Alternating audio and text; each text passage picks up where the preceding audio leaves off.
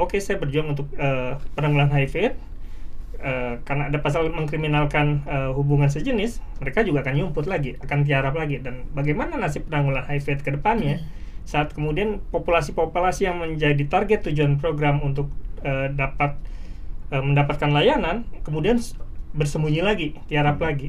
Seandainya gitu, seluruh konvensi HAM yang sudah diratifikasi ini menjadi ruh di dalam RKUHP ini alangkah indahnya dunia gitu kan.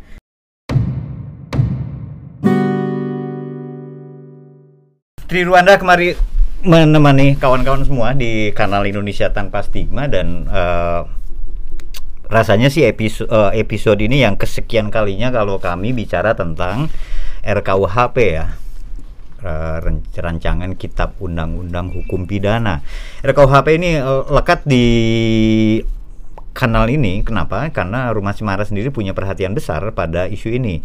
Ada banyak aspek, hmm, bukan cuma soal kawan-kawan tentunya pernah uh, apa menyimak betul ya bagaimana Rumah Cemara selalu uh, mencoba melakukan apa ya uh, kawalan si polisi wahnya patroli.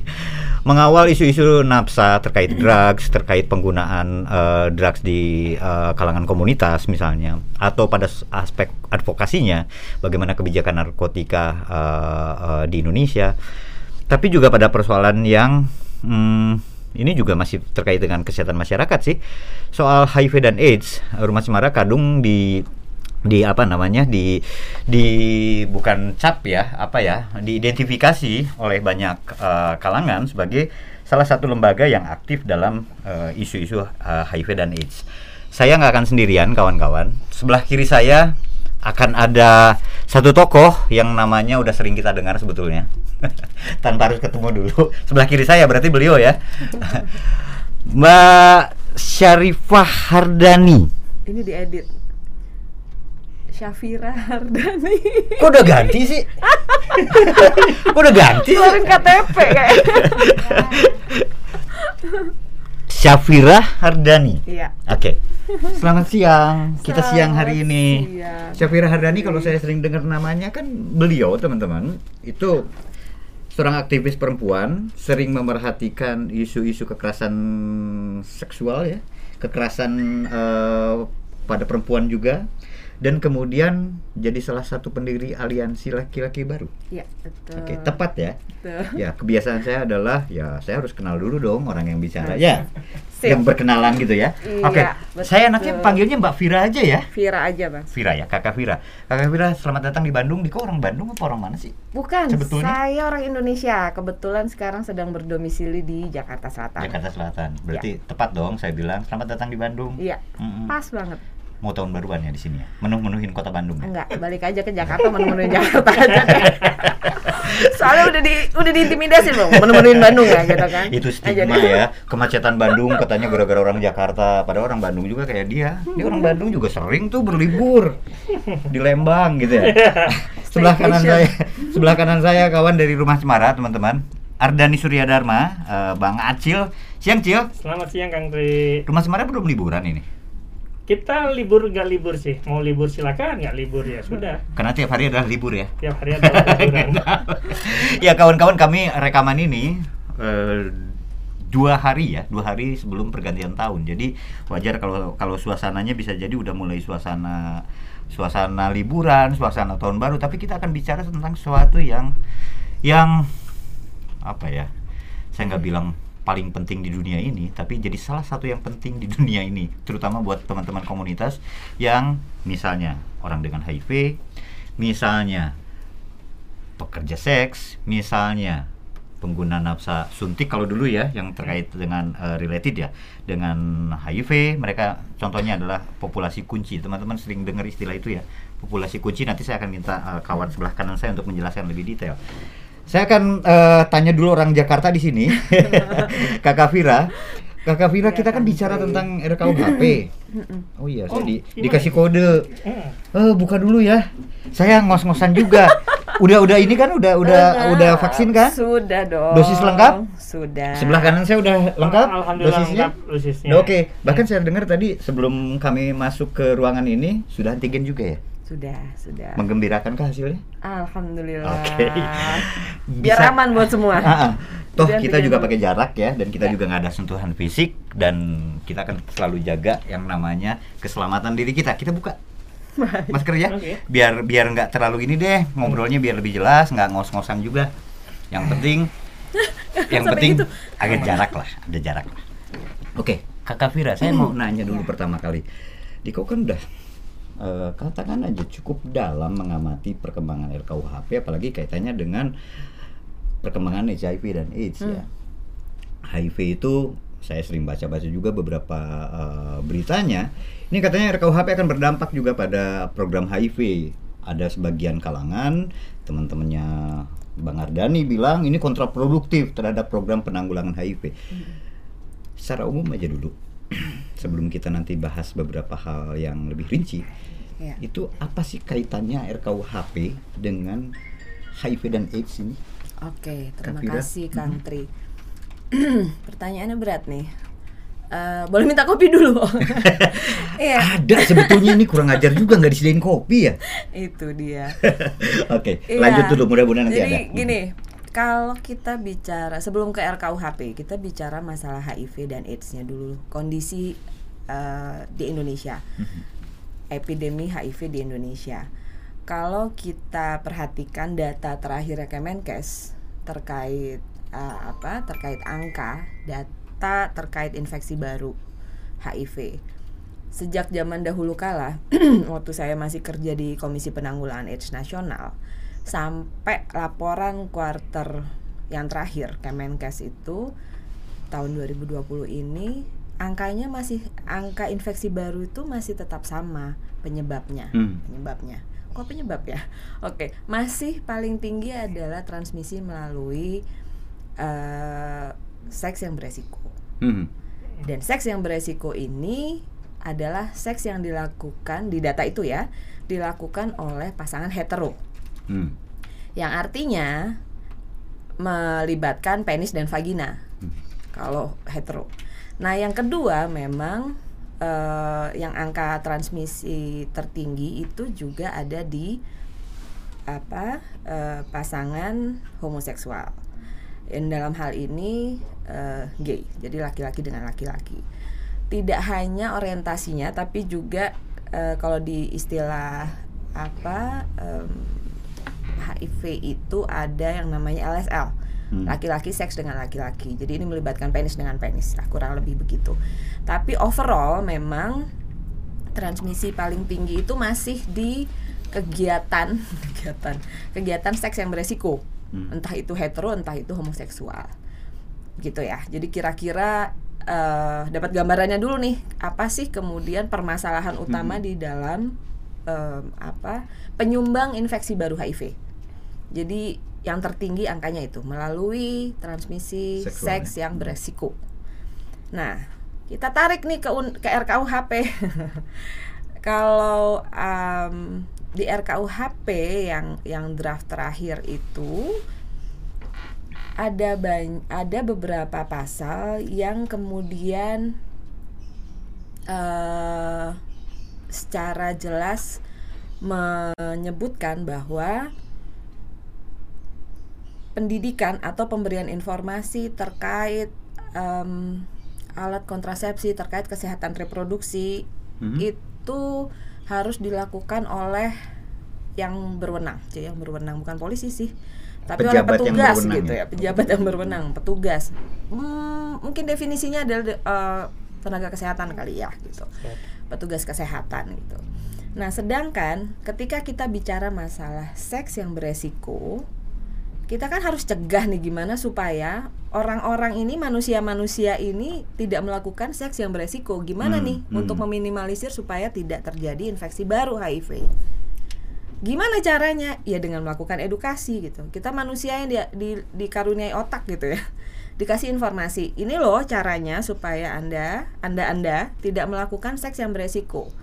Dan di dalam edukasi itu melibatkan alat yang disebut dengan alat kontrasepsi. Hmm. Nah, sedangkan eh, sampai saat ini informasi dan edukasi terkait dengan pencegahan melalui transmisi seksual itu ya sa- satu tidak melakukan seks beresiko, tapi kalau udah nggak tahan kan dia harus pakai alat pengaman dong. Hmm. Yang dalam hal ini Kondom. alat kontrasepsi kondom gitu. Eh, ya karena wal hetero dan juga eh, homoseksual semuanya melibatkan penis, jadi kondom lah jawabannya gitu. Nah, sedangkan di dalam apa rancangan KUHP ini itu sangat dibatasi gitu. Itu Hmm. bisa dikriminalkan ketika siapa pun itu yang di luar petugas kesehatan ini memberikan edukasi kepada masyarakat yang melibatkan kondom. Hmm.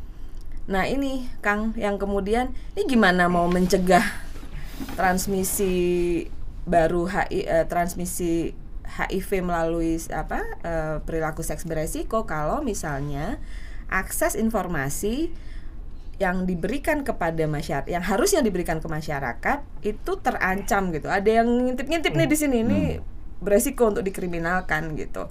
Nah, ini yang saya pikir em, negara ini dari dulu kan masalahnya adalah masalah koordinasi. Ini satu kata yang sederhana tapi nggak nyampe-nyampe gitu loh ilmunya. Ini kan masalah sinkronisasi, harmonisasi hukum. Idealnya gitu, kita bicara ideal sekarang.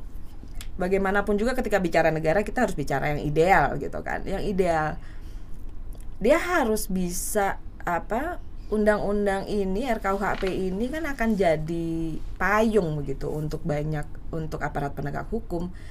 Jadi sudah idealnya juga dia harus melihat konteks konteks sosial, kemudian apa sih yang ada di masyarakat. Jadi eh, tolonglah perhatikan juga pendapat-pendapat dari epidemiolog misalnya kemudian dari kawan-kawan yang memang di lapangan itu bekerja. Saya tidak tahu di dunia kesehatan organisasi-organisasi uh, organisasi profesi apakah juga dilibatkan dalam perumusan RKUHP yang terkait dengan isu-isu kesehatan misalnya.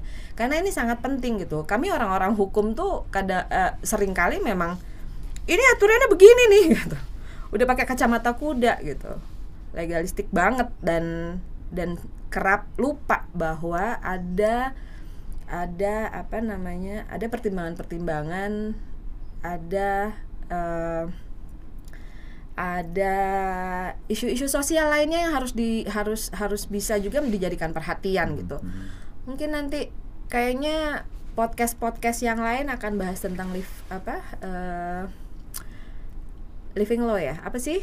Salah satunya ya ya. living law. itu Hmm. nanti yang akan dibahas juga. Jadi eh cobalah untuk melihat. Ini kan ini kan bukan bukan bukan negara yang kaku harusnya anyway tapi juga harus diperhatikan lah yang kayak gitu-gitu ini eh, karena gerak dari gerak dari kawan-kawan atau em, mereka yang bertanggung jawab untuk mencegah dan menanggulangi sekarang renstranya namanya begitu ya Hmm. strategi eh rencana aksi pencegahan dan penanggulangan atau pengendalian HIV gitu. Pengendalian. pengendalian HIV Pengendalian HIV.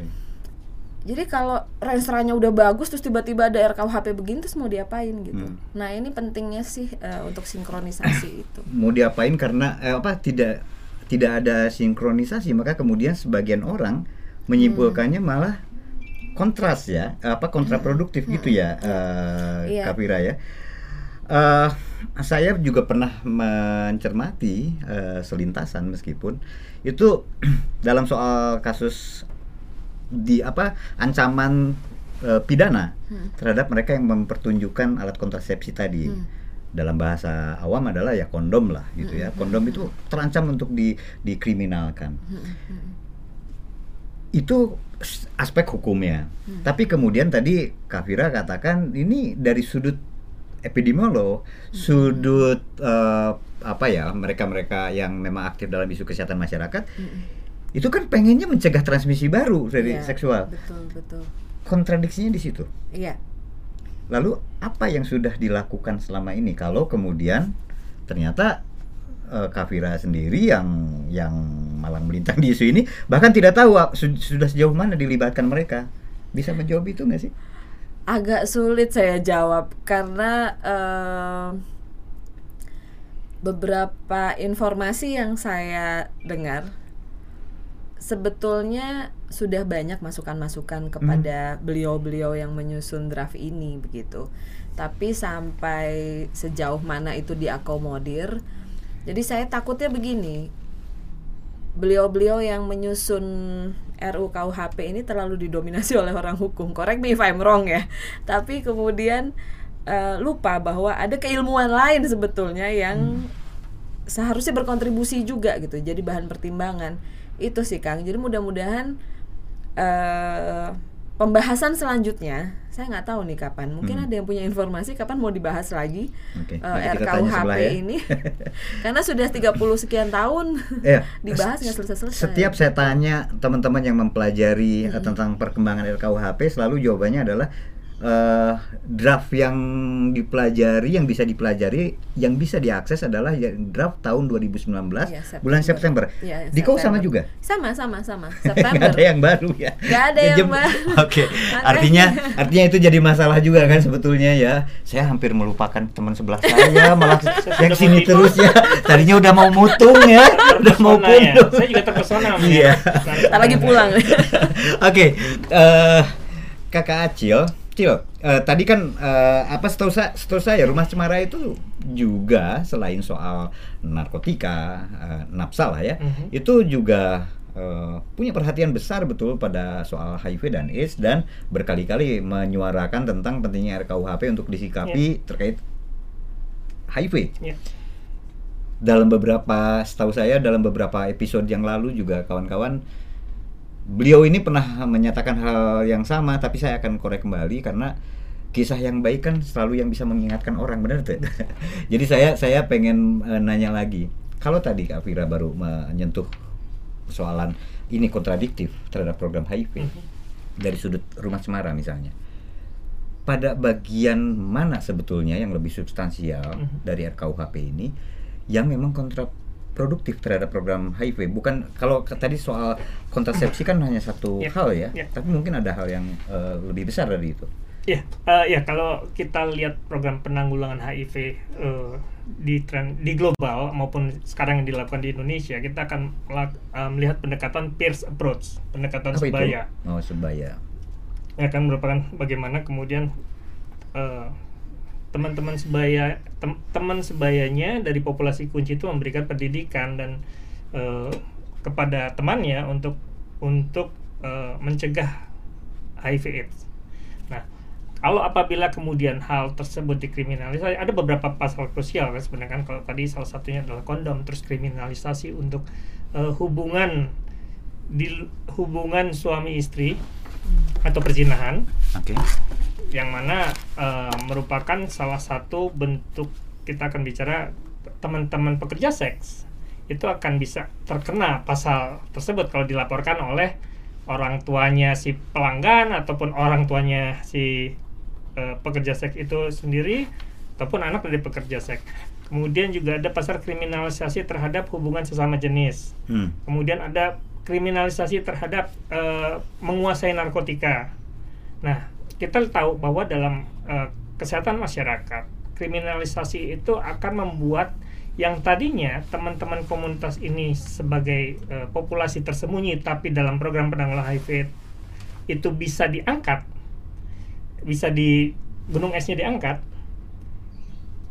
Nah, dengan dengan beberapa pasal yang meng- mengkriminalisasi tadi pengguna narkotika, teman-teman eh, laki-laki yang suka eh, berhubungan seks dengan laki-laki, kemudian eh, pekerja seks, eh, kemudian ataupun petugas pendidik sebaya yang memberikan informasi tentang kondom itu akan semakin menyembunyikan gunung es yang tadinya ter- terangkat itu akan balik lagi ke bawah nyumput lagi Hmm, hmm. ya mereka tidak akan eh, nggak akan mudah untuk mengakui saya pekerja seks oh pekerja seks berarti melakukan zina dong Hmm. kalau pasal eh, pasal zina itu diterapkan akan mudah kemudian eh, orang nangkep eh, pekerja seks dengan eh, pasal melakukan perzinahan Hmm. Eh, begitu juga dengan peng- eh, pengguna narkotika oh saya kelompok pengguna narkotika nih yang saat ini banyak bertebaran ya oh berarti anda memiliki dan menguasai bisa lagi kena Hmm. eh, dikriminalkan. Belum lagi tadi ada kelompok-kelompok teman-teman eh, LGBT tadinya mereka uh, berjuang bisa oke okay, saya berjuang untuk uh, penanggulangan HIV Uh, karena ada pasal mengkriminalkan uh, hubungan sejenis, mereka juga akan nyumput lagi, akan tiarap lagi. Dan bagaimana nasib penanggulangan HIV ke depannya saat kemudian populasi-populasi yang menjadi target tujuan program untuk uh, dapat uh, mendapatkan layanan, kemudian bersembunyi lagi, tiarap lagi.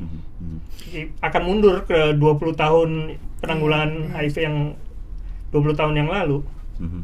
Ya kawan-kawan yang yang yang layak jadi perhatian juga karena selama ini yang disebut dengan populasi kunci ya.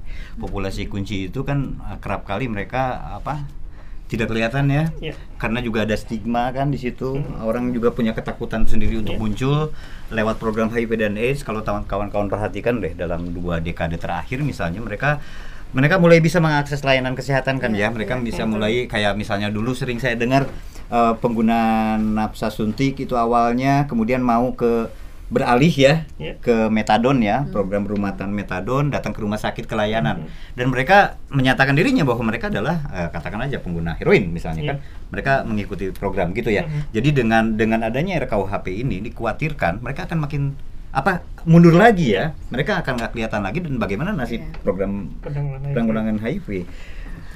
Cil, apakah itu tidak kemudian jadi terlalu menyeder apa terlalu kok sederhana banget gitu ya uh, konsekuensinya yang dibayangin? Dengan RKUHP ini diterapkan maka kemudian oh ini setelah seseorang mengakui dia pekerja seks wah bakal dikriminalkan. Apa akan sesederhana itu kenyataan yang bakal terjadi bisa jadi itu hantu yang dibuat sendiri jangan-jangan nggak gitu loh nanti Uh, beberapa proyeksi kan sudah dilakukan Hmm. bagaimana kemudian implementasi pasal-pasal bermasalah ini akan akan ber- uh, akan akan akan, akan terjadi. hmm. Ya s- uh, tadi bahasa sederhana ya kalau kemudian uh, misalnya istri Kang Tri Mhm. tahu Kang Kang Tri ini suka yang mana Hah? yang mana Yang mana istrinya? Su- suka suka datang suka misalnya berkunjung ke Saritam oke ya kan kemudian dia melaporkan Kang Tri melakukan perzinahan saat dilaporkan yang dibawa kan bukan Kang Tri-nya Hmm. bukan Kang Tri saja Kang Tri dengan pekerja seks yang ngelayanin Kang Tri apalagi kalau digerebeknya di tempat Mhm. ya kan otomatis kemudian Oke. Artinya kan potensi itu besar sebetulnya Besar terjadi ya. Jadi kan hukum harusnya bisa mengantisipasi itu ya. Kak Fira, saya akan kembali ke Kak Fira. Tapi kalau eh, teman-teman yang di luar Bandung atau mungkin masih asing yang seperti saya awam mendengar apa itu Saritem gitu ya. Sari, eh, Saritem itu satu tempat, satu lokasi baru kawan-kawan di baru mau nanya ya sama. Saya tadinya mau mau, nanya sama eh, Mas Ardani. Saritem itu satu tempat di kota Bandung yang memang punya sejarah panjang sebetulnya punya sejarah panjang eh, berkaitan dengan prostitusi. Jadi tapi kan karena ada stigma di situ maka kemudian wilayah ini sudah katanya sudah sudah tidak sehitam saritem dulu gitu kan. Tapi ya ya ya itu uh, aspek yang harus saya sampaikan tentang ya karena disebut nama kan tadi ya. Nggak semua orang Sebut belum, kalau di Jogja ada kan ya Jogja Pasar juga Kembang. sarkem kan orang suka, Iya, suka sarkem. bilang begitu. Nah saya kembali ke Kak Vira deh. Eh, tadi Acil membuka dengan beberapa hal. Misalnya tadi kontrasepsi kembali di eh, apa namanya diangkat. Kemudian juga ada soal pasar perzinahan ya pasal perzinahan yang ternyata berpotensi ada persekusi juga tadi berarti dan kata lain ada persekusi ya. Kemudian eh pencabulan juga ada ya di situ di RKUHP ya. Pencabulan terhadap sesama jenis. Serta dan Oh, itu iya. ancaman terhadap eh, dalam bahasa populer itu LGBT misalnya.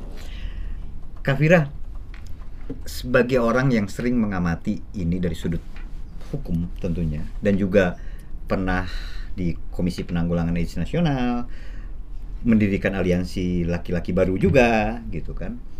Apa yang sudah dilakukan oleh teman-teman di di sorry di, di di kalangan kelompok masyarakat seperti ini? Untuk me- untuk untuk me- apa namanya me- meluruskan deh ini. Selain tadi udah berupaya tapi draftnya nggak ada yang baru gitu kan. Apa sih yang sudah dilakukan? Apa yang sudah dilakukan ya sama teman-teman ya?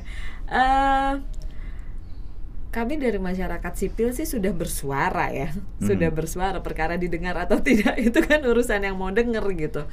Tapi paling tidak ini salah satu upayanya ya seperti inilah. Kita eh, memberikan informasi kepada siapa pun yang mau dengar termasuk eh, kawan-kawan yang nonton em, membahasakan secara populer mungkin ya tentang pasal-pasal yang Hmm. mungkin hanya bisa dipahami oleh orang hukum. Hmm. Karena kalau bicara bahasa hukum itu kan seperti bahasa kalbu.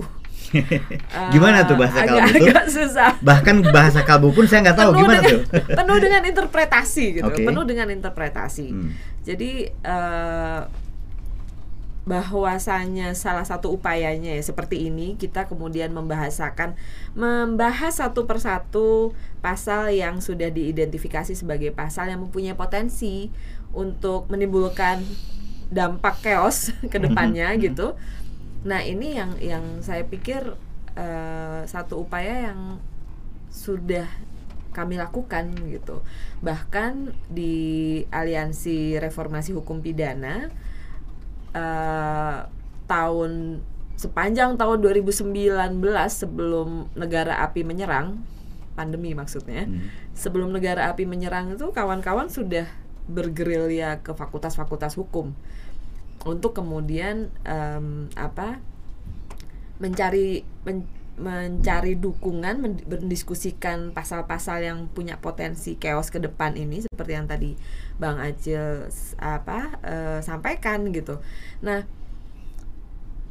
kalau dari apa kalau dari masyarakat sipil sih sesuai dengan mandatnya sebagai masyarakat sipil itu mengingatkan dan memberikan alternatif-alternatif kepada para drafter ini. Itu sudah, Kang. Mhm. Itu sudah dilakukan. Tapi memang diakui atau tidak pandemi ini si Kang Covid ini memang eh, apa ya? membuat segalanya mandek gitu. Termasuk juga eh, apa upaya kawan-kawan untuk mengawal dan di samping juga yang harusnya ngebahas juga diam-diam saja gitu kan ya. Jadi eh, bahkan sempat kita di di antara kami di masyarakat sipil tuh ini mereka diam-diam ngebahas diam-diam aja Sudon semua. itu berbaik sangka ya berbaik sangka apakah mereka eh, diem-diem aja ngebahas supaya kita nggak ribut Mhm. atau memang mereka diem gitu eh, dengan dalih ngapa-ngapain karena in the name of covid gitu ya oh kita lagi kan lagi covid nih nggak usah dibahas dulu deh gitu gitu tapi eh, tapi ternyata itu yang terjadi nggak diapa-apain sepanjang 2020 kemarin kan Hmm. kita 2020 kan hilang gitu aja kan kang Hmm. nggak pernah ngebahas apa-apa gitu. Tapi kita nggak diem, masyarakat sipil nggak diem. Oke, mereka diem, kita nggak diem. Hmm. Kita melakukan banyak kajian. Kita melakukan banyak kajian dan kawan-kawan ICGR, eh, Institute for Criminal Justice Reform, yang bermarkas di Pasar Minggu Jakarta Selatan, mereka juga eh, selama pandemi itu nggak diem-diem aja, walaupun berjauhan tapi dekat di laptop. Hmm. itu selalu apa terus menerus melakukan kajian-kajian terhadap pasal-pasal yang berpotensi bermasalah tadi. Itu yang kami lakukan sepanjang 2020 nah ini 2021 kita sudah mulai yang mau habis ini Iya. itu eh, mulailah hasil-hasil kajian itu eh, karena sudah sudah apa sudah familiar dengan eh, teh teh zoom Teknologi gitu ya, oke. teh teh zoom ada Virtual webinar virtual gitu, gitu meeting gitu ya. mau tidak mau kita harus akui 2020 tuh kita benar-benar masih gagap semua Hmm. kan ini gimana nih caranya ini gimana caranya gitu tapi setahun itu ternyata tra- masa transisi kita antara dunia nyata dengan dunia virtual itu cukup mulus. Jadi 2021 ini kawan-kawan sudah mulai tuh untuk sosialisasi untuk bikin apa podcast seperti ini gitu kan. Jadi eh, teman-teman nggak diem.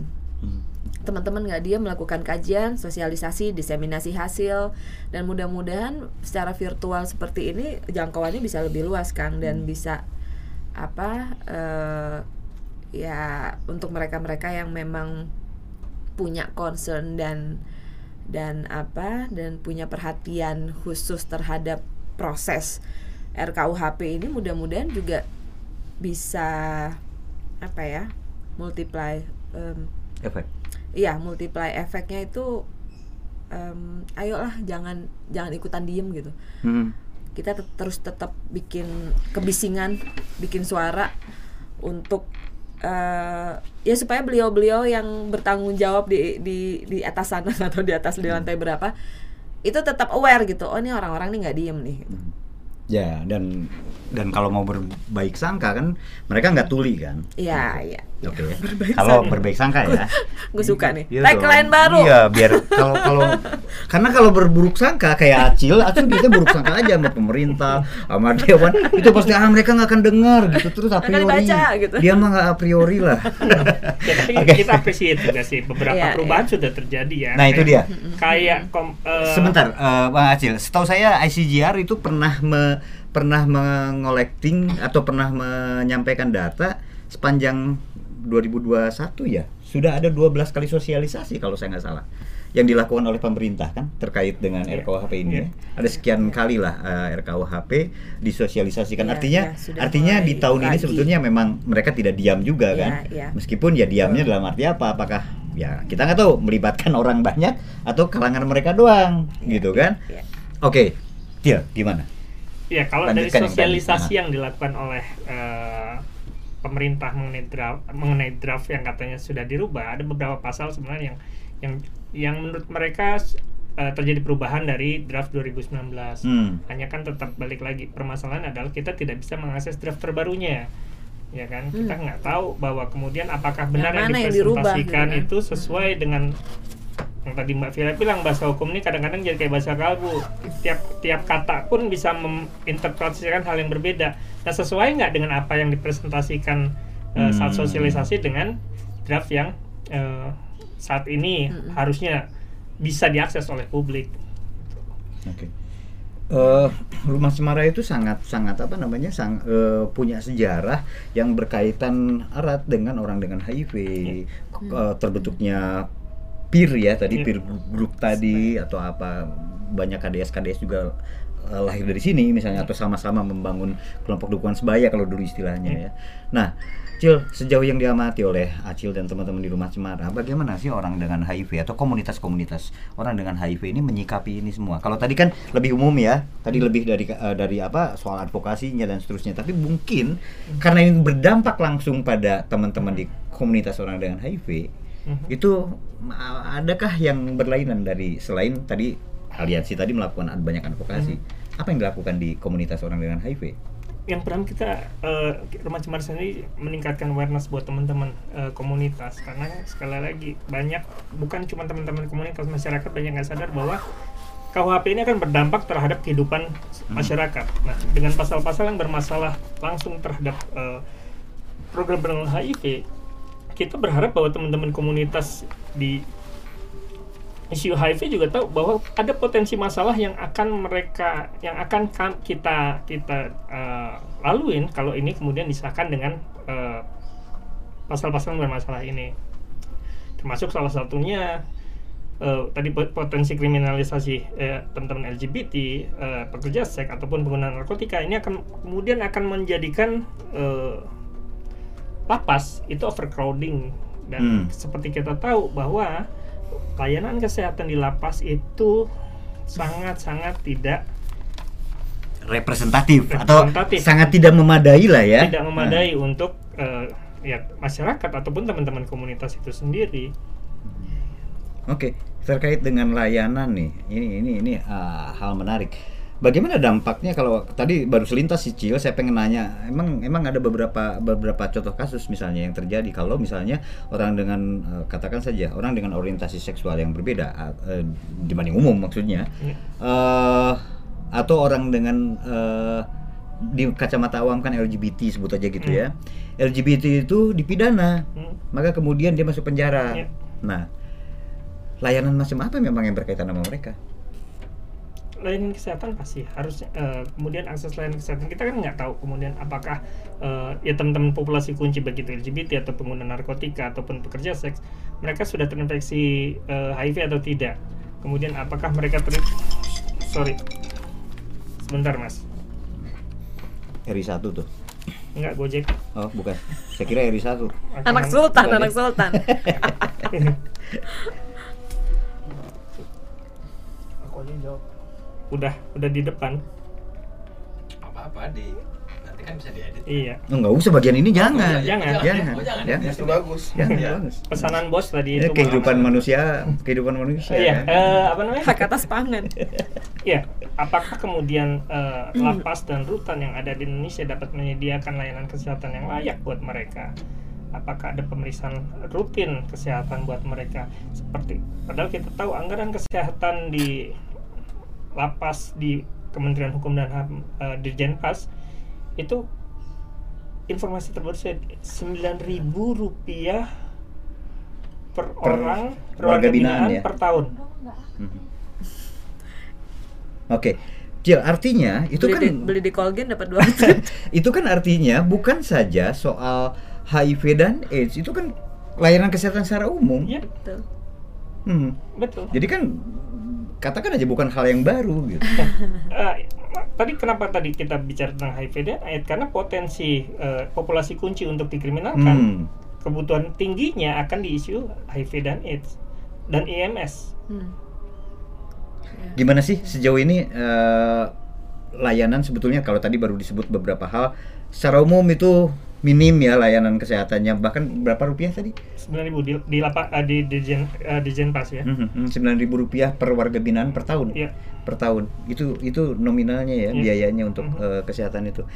Eh, kalau saya ngambil satu contoh yang sederhana misalnya, kalau orang mau warga binaan nih, Mhm. dia mau periksa misalnya dia punya eh, mungkin sakit apa, Iya.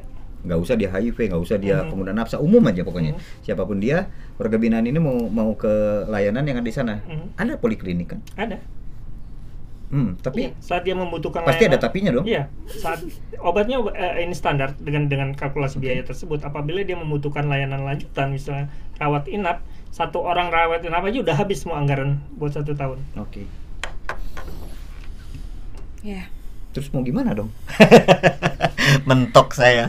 Oke, Kak Fira. apa Gimana nyikapin ini semua? em, nggak tahu ya apa saya maju aja 2024 nih Pakai kampanye. nggak gini loh saya tuh dari dulu mikir eh dari ini ngayal-ngayal aja sih ya Hmm. udah terlalu lama menjadi aktivis jadi ngayal nih eh seandainya gitu seandainya para pembuat pembentuk undang-undang itu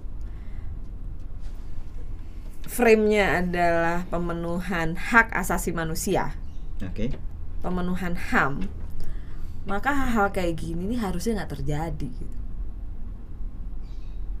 karena apa pun rumusan yang mereka pikirkan saat itu itu adalah untuk memenuhi hak asasi manusia kalau kita ingat standar ah, standar prinsip-prinsip hak asasi manusia negara tiga apa negara itu kan punya kewajiban untuk memenuhi to fulfill, to protect, to promote Hmm. human rights. Ketika kita bicara negara, kita bicara tentang legislatif, eksekutif, dan yudikatif nih. Gitu. Nah sekarang sekarang kita lagi sedang bicara tentang RKUHP. Kalau misalnya mereka sudah betul-betul menginternalisasi, mengimani, mengimani mandat mereka, tugas mereka gitu. Oke nih, gue bikin undang-undang nih untuk kemaslahatan umat nih gitu. Harusnya mereka cek and recheck terus dong. Ini membawa kemaslahatan tidak ya untuk warga negara atau malah bikin susah nih kayak gitu-gitu. Nah itu em, itu sih kayaknya. Saya saya juga apa cukup cukup concern dengan bagaimana eh, menginternalisasi nilai-nilai HAM di di level itu gitu, di level negara nih sekarang.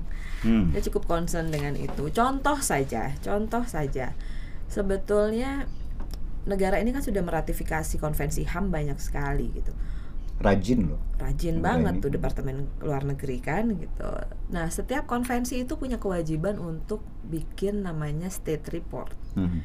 laporan negara secara berkala Hmm. untuk dilaporkan ke eh, komitenya. Misalnya kalau komite eh, hak anak ya ke komite apa konvensi hak anak lapornya ke komite hak anak.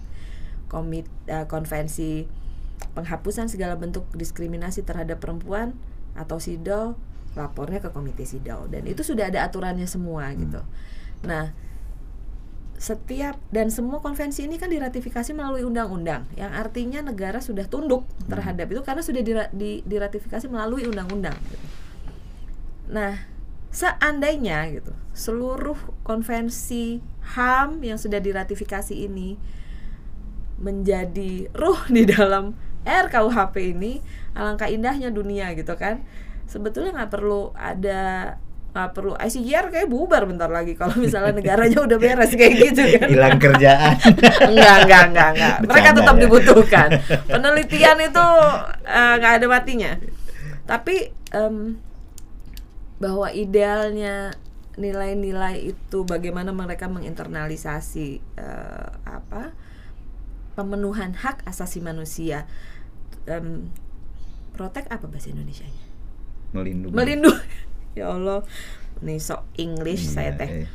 Eh, memenuhi en- apa ya to protect to fulfill to to promote-nya itu dipegang aja itu sih Kang Hmm, hmm, idealnya itu hmm. Perspektif mi- HAM mimpinya ya. perspektif ham saya mimpinya begitu Hmm. gimana maju kita 2024 Tapi persoalannya DPR jalanan. perspektif HAM ini apakah tidak populer? Berarti dong di kalangan para pembuat kebijakan kalau gitu apakah Em, bisa saya simpulkan artinya populer sih Hah? populer ham ham oh ham sudah ham Hmm. gitu Iya, tapi apa saya itu, itu. ham Hmm, apa itu ham itu kan perlu di perlu diimani dulu ya hmm. Kalau udah beriman maka dia akan mengamini gitu. Apa amin dulu baru mengimani ya? Mengamini dulu baru mengimani gitu.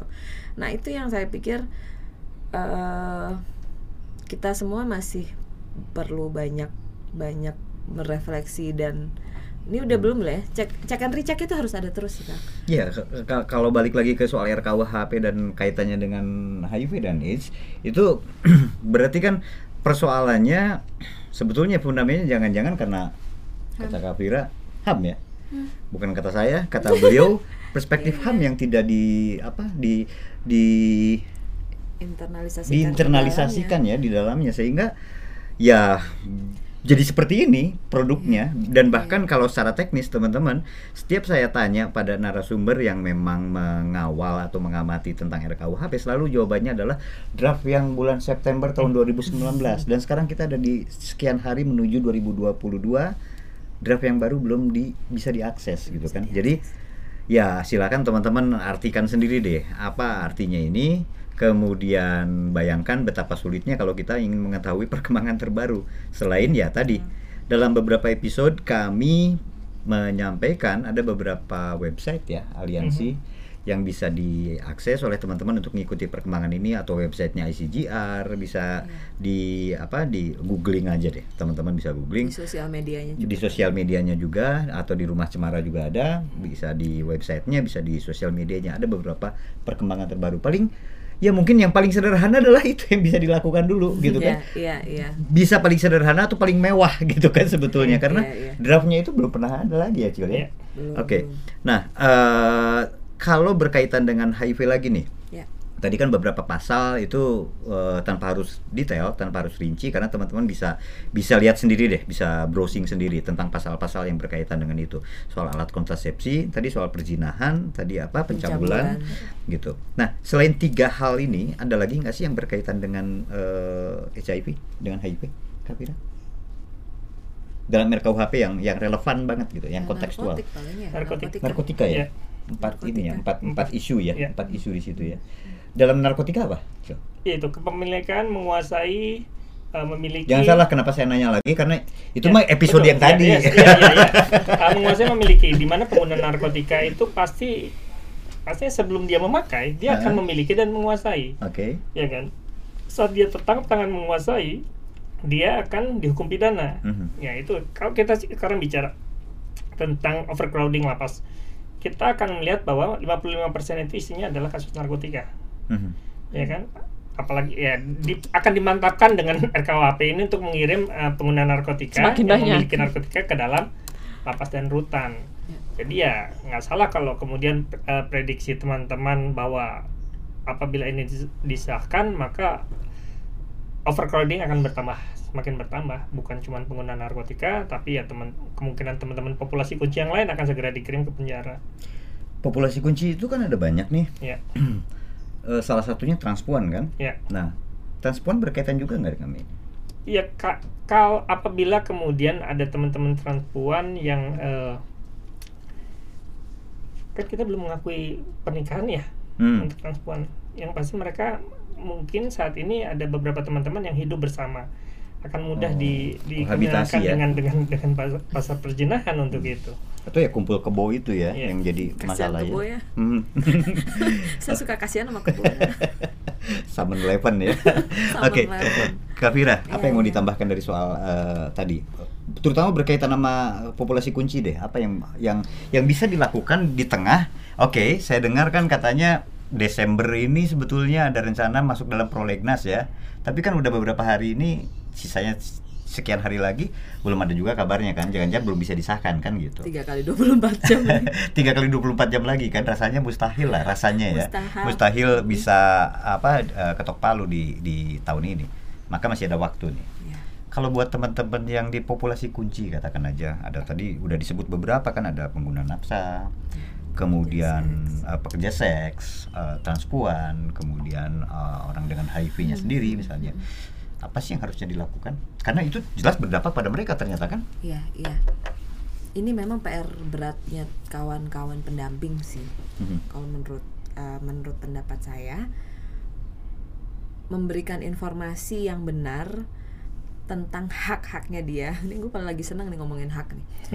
ambil silakan bungkus lah nah. Tentang haknya dia sebagai warga negara itu yang paling penting. Hmm. Untuk Caranya kondisi gimana? untuk kondisi chaos kayak gini ya Hmm, gitu. caranya Ada beberapa yang sudah diupayakan oleh kawan-kawan, em, misalnya melalui pendidikan paralegal. Ini teman-teman lagi senang nih bikin bikin paralegal paralegal nih gitu. ambil Nah tugasnya silakan. paralegal inilah yang kemudian eh aku nggak tahu deh kalau sekarang teman-teman KDS sebutannya masih KDS ya masih ya Masih, masih ya. Nah eh, kelompok-kelompok ini biasanya kan ada ada apa? Ada ketua kelas, ketua kelas. Ada ada ya, koordinatornya ya. gitu. Ada koordinatornya. Nah, memberikan informasi pendidikan tentang hak warga negaraan dia melalui kelompok-kelompok ini menjadi sangat penting dan itu PR-nya kawan-kawan. tunggu biar nggak terlalu apa biar Karena agak agak agak apa namanya Iya. agak turunkan sedikit yang dimaksud dengan me- apa namanya tadi yang Pendidik. terakhir men, men- mendidik apa Memberikan informasi Nah. yang benar tentang hak dia Nah, sebagai warga negara. apa kaitannya gitu. dengan soal HIV ini yang berdampak pada mereka Iya. Jadi kan seperti tadi Kang Acil bilang. Ini teman-teman sekarang udah bisa mengakses layanan nih. Mhm. Di tahun 2021 ini sudah bisa nih sebetulnya. Akses sudah terbuka, mereka sudah bisa apa? eh, sudah bisa pergi ke layanan dengan dengan kalau nggak bisa dibilang mudah ya sudah ada lah gitu, Hmm. sudah ada. Nah, tapi kan dengan dibayang-bayangi hantu pasal-pasal ini kan mereka jadi, lagi takut lagi nih Hmm. mundur lagi hilang lagi nih gitu nah jangan sampai itu terjadi gimana caranya harus dikasih informasi itu hakmu untuk mengakses itu tuh hakmu jangan takut kita nih sejak kecil kebanyakan Takut-takutin. ditakut-takutin sama polisi sih Hmm. Ayo makan yang banyak nanti malah dibilang Tangkap polisi. polisi." lo tangkap polisi lo gitu. Makanya jangan suka gitu ya teman-teman. Jangan nakut-nakutin polisi sama dokter kalau sakit nggak mau ke dokter Awas nanti disuntik. nggak mau disuntik banyak yang nggak mau divaksin gara-gara vaksin ditakut- gara-gara takut itu. ditakut-takutin dokter sama polisi itu dari kecil. stigma ya ya. stigma terhadap dokter dan polisi dari kecil. Anyway jadi eh, saya pikir memang budaya hukum kita ini yang memang harus diubah di, di, diubah gitu. Nah salah satunya yang paling paling paling sederhana menurut saya di kelompok-kelompok itu juga harus dikuatkan. Ini loh hakmu A B C D kecil aja Kang masalah hak nanya ke dokter kalau Hmm. lagi periksa Hmm. kita kan selama ini dokter sudah terstigma bahwa dia manusia paling pintar gitu ya. Hmm. Lu dikasih resep apa aja nggak akan nanya gitu. Oh ibu sakitnya pilek nih sama ini sama ini gitu. Ini resepnya ada jarang yang mau nanya Hmm. karena dia nggak tahu bahwa dia punya hak Nah. sebagai pasien untuk nanya ini tuh ini obat apa Efek ini sampingnya untuk apa? apa efek sampingnya apa itu sederhana banget kan Hmm. Itu sederhana buat kita yang tahu gitu. Tapi buat buat banyak orang itu bukan hal yang sederhana. Karena buat mereka oh ya udah orang dokter yang ngomong kayak gini kok gue disuruh minum obat ini ya udah telan aja gitu.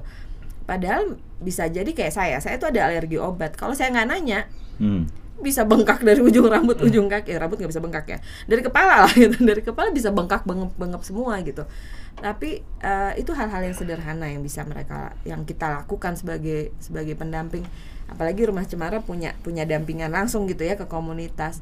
Dan saya juga pesen nih sama teman-teman eh, lembaga-lembaga yang punya dampingan komunitas eh, populasi kunci tolong diperhatikan betul eh, dana-dana yang masuk itu supaya bermanfaat buat komunitas, buat populasi kunci, kasih informasi yang benar supaya mereka berdaya gitu. Jadi bukan diperdaya gue nggak ngomong supaya berdaya mereka gitu, supaya berdaya, supaya mereka tahu betul haknya sebagai warga negara itu apa. Jangan, oh udah workshop ini, udah workshop itu gitu. Kenapa gue nyolot ya? Jangan workshop ini, workshop itu aja, tapi lu Biarin lihat aja, gitu. biarin, biarin aja. dia mau Tapi cerita lu lihat, Nggak, biarin aja. Biarin juga dari tadi juga gitu. Biarin aja. Biarin aja. Ini baru nggak? ini masih baru nggak? Dia dilempar. Oke, lanjut. ah. Jadi gitu, maksudku eh, kawan-kawan juga yang yang kerja di di isu eh, pencegahan dan pengendalian HIV ini itu juga harus lihat nih akar masalahnya apa. Oh ternyata dampingan gua nggak ngerti nih hal sederhana loh nanya dokter Mhm. gitu. Oke, informasi ya. Jadi bagaimana memberikan informasi itu hal sederhana, realistis yang sangat mungkin bisa dilakukan dan bisa dilakukan dengan Bisa. mudah gitu kan. Mungkin harus belajar dulu informasi. lah cara berkomunikasi yang baik kan. Oke. Nggak mungkin harus nggak perlu kuliah ke Mhm, fakultas mhm, komunikasi dulu kan? Mhm. Nggak kan? Oke. Cara komunikasi. Oke, artinya Menyampaikan. setelah informasi diperoleh, terus so what? Setelah Apa yang bisa informasi- dilakukan? Kan Ah. an- an- misalnya gini, saya saya saya coba Iya, iya. coba nyelamin apa yang disampaikan sama Kavira. Oh, kemudian pe- eh, apa leader leadernya ini opinion leader atau apa pun namanya itu ke teman-temannya nih komunitasnya itu ngasih informasi tentang hak-hak kita tadi misalnya hak-hak apa eh, sebagai masyarakat sebagai warga negara tentang kesehatan dan seterusnya udah disampaikan nih mereka udah paham mereka udah tahu terus apa yang terus ngap terus kenapa? Terus gimana kalau udah gitu? Ya nggak gimana gimana itu paling tidak mereka sudah punya apa sudah punya pengetahuan ketika suatu saat terjadi sesuatu suatu saat terjadi sesuatu oke redundant ada apa-apa gitu eh mereka tahu harus ngapain. Mereka tahu harus ngapain dan kalau mereka masih belum berani mereka tahu peernya akan selalu support mereka. Oke mereka akan support mereka gitu. Jangan kemudian eh, dan peernya jangan kurang ajar juga ada teman yang bermasalah terus dia lari gitu kan nggak juga gitu. Tapi paling tidak em, safety netnya sudah ada dan mereka tahu harus ngapain. Itulah saya sebetulnya salut sama kawan-kawan yang punya eh, program-program paralegal gitu ya.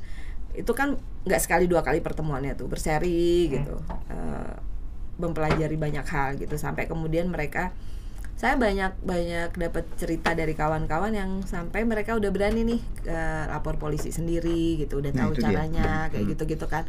Kalau ada apa-apa mereka berani ngadepin gitu. Jadi mereka ketika pun ditangkap polisi mereka tahu hak-haknya. Eh lu nggak boleh gini lu nggak boleh gitu gitu. Apa yang harus dilakukan ketika berhadapan dengan polisi misalnya?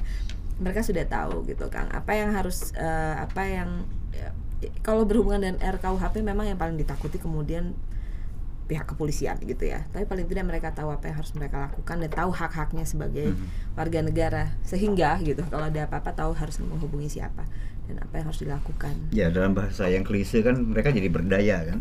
Ya, mereka le- lebih berdaya mereka lebih ya karena punya dasar pengetahuannya kan punya dasar pengetahuan betul. punya argumentasi dan sebagainya ya. Nah tapi ke arah perubah itu kan tidak tidak berdampak langsung pada perubahan kebijakan.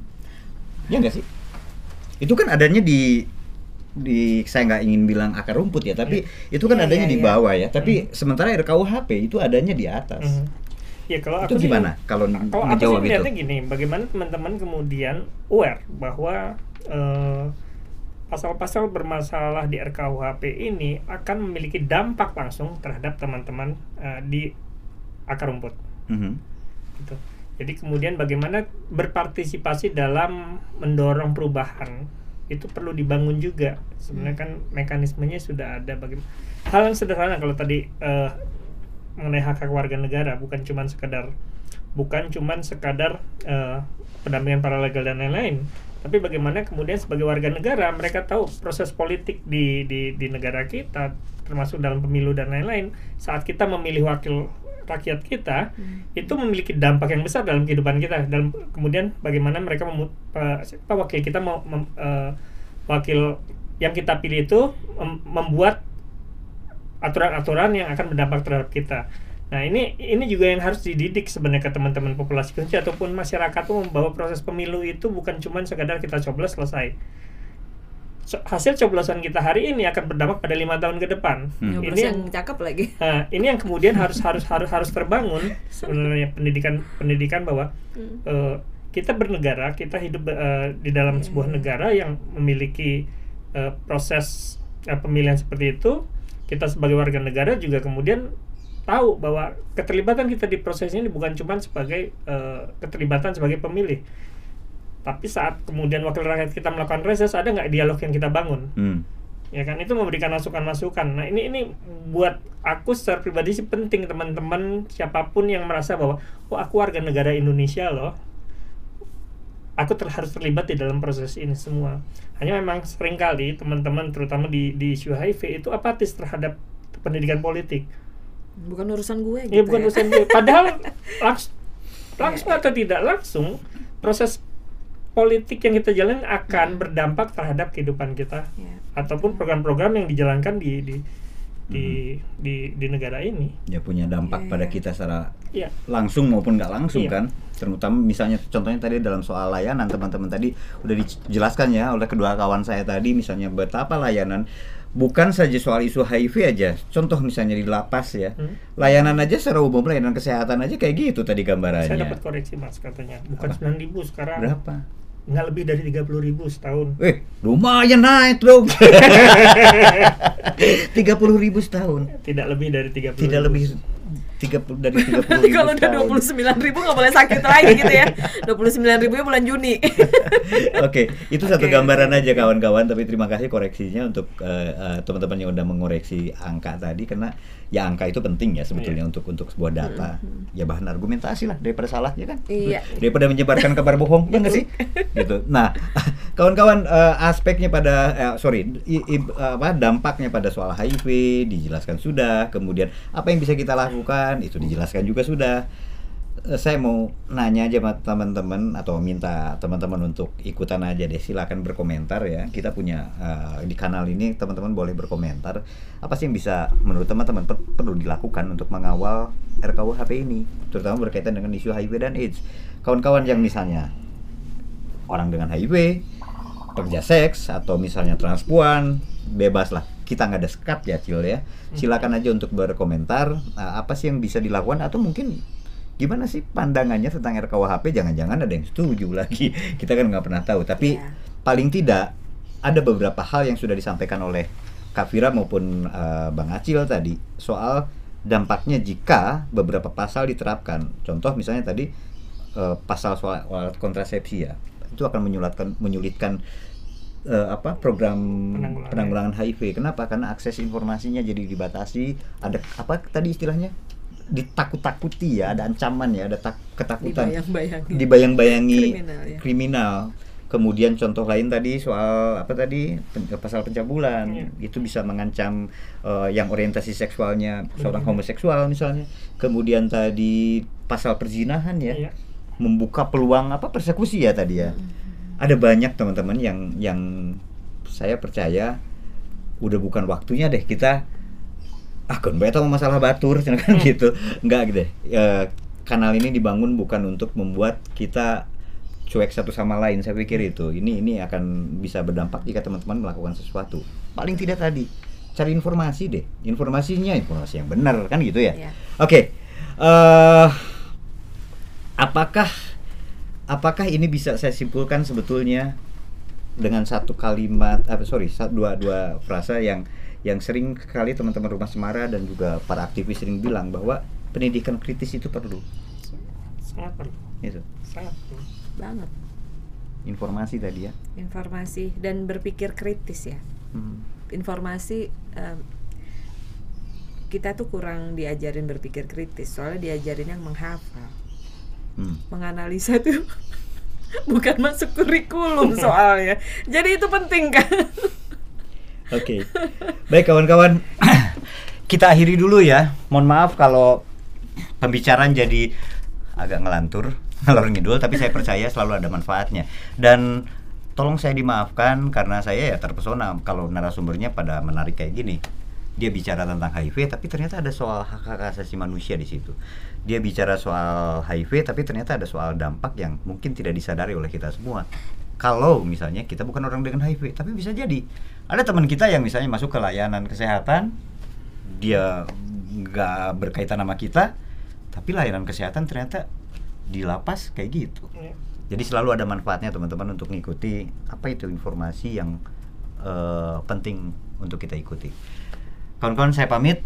Terima kasih Kak Fira. Sama-sama Kang. Terima kasih Kang Cil, terima kasih banyak ya. Makasih Jangan kapok ya kalau ngobrol-ngobrol lagi di sini ya. Oke. Beberapa bagian Tidak. akan ada yang diedit, tapi beberapa bagian akan dipertahankan terutama waktu Acil terima pesan Gojek ya tadi. Jangan nyebut merek dong. Oh iya, Di-endorse pesan online ya. Oke, kawan-kawan kami pamit. Dadah. Pamit, bye. Dah.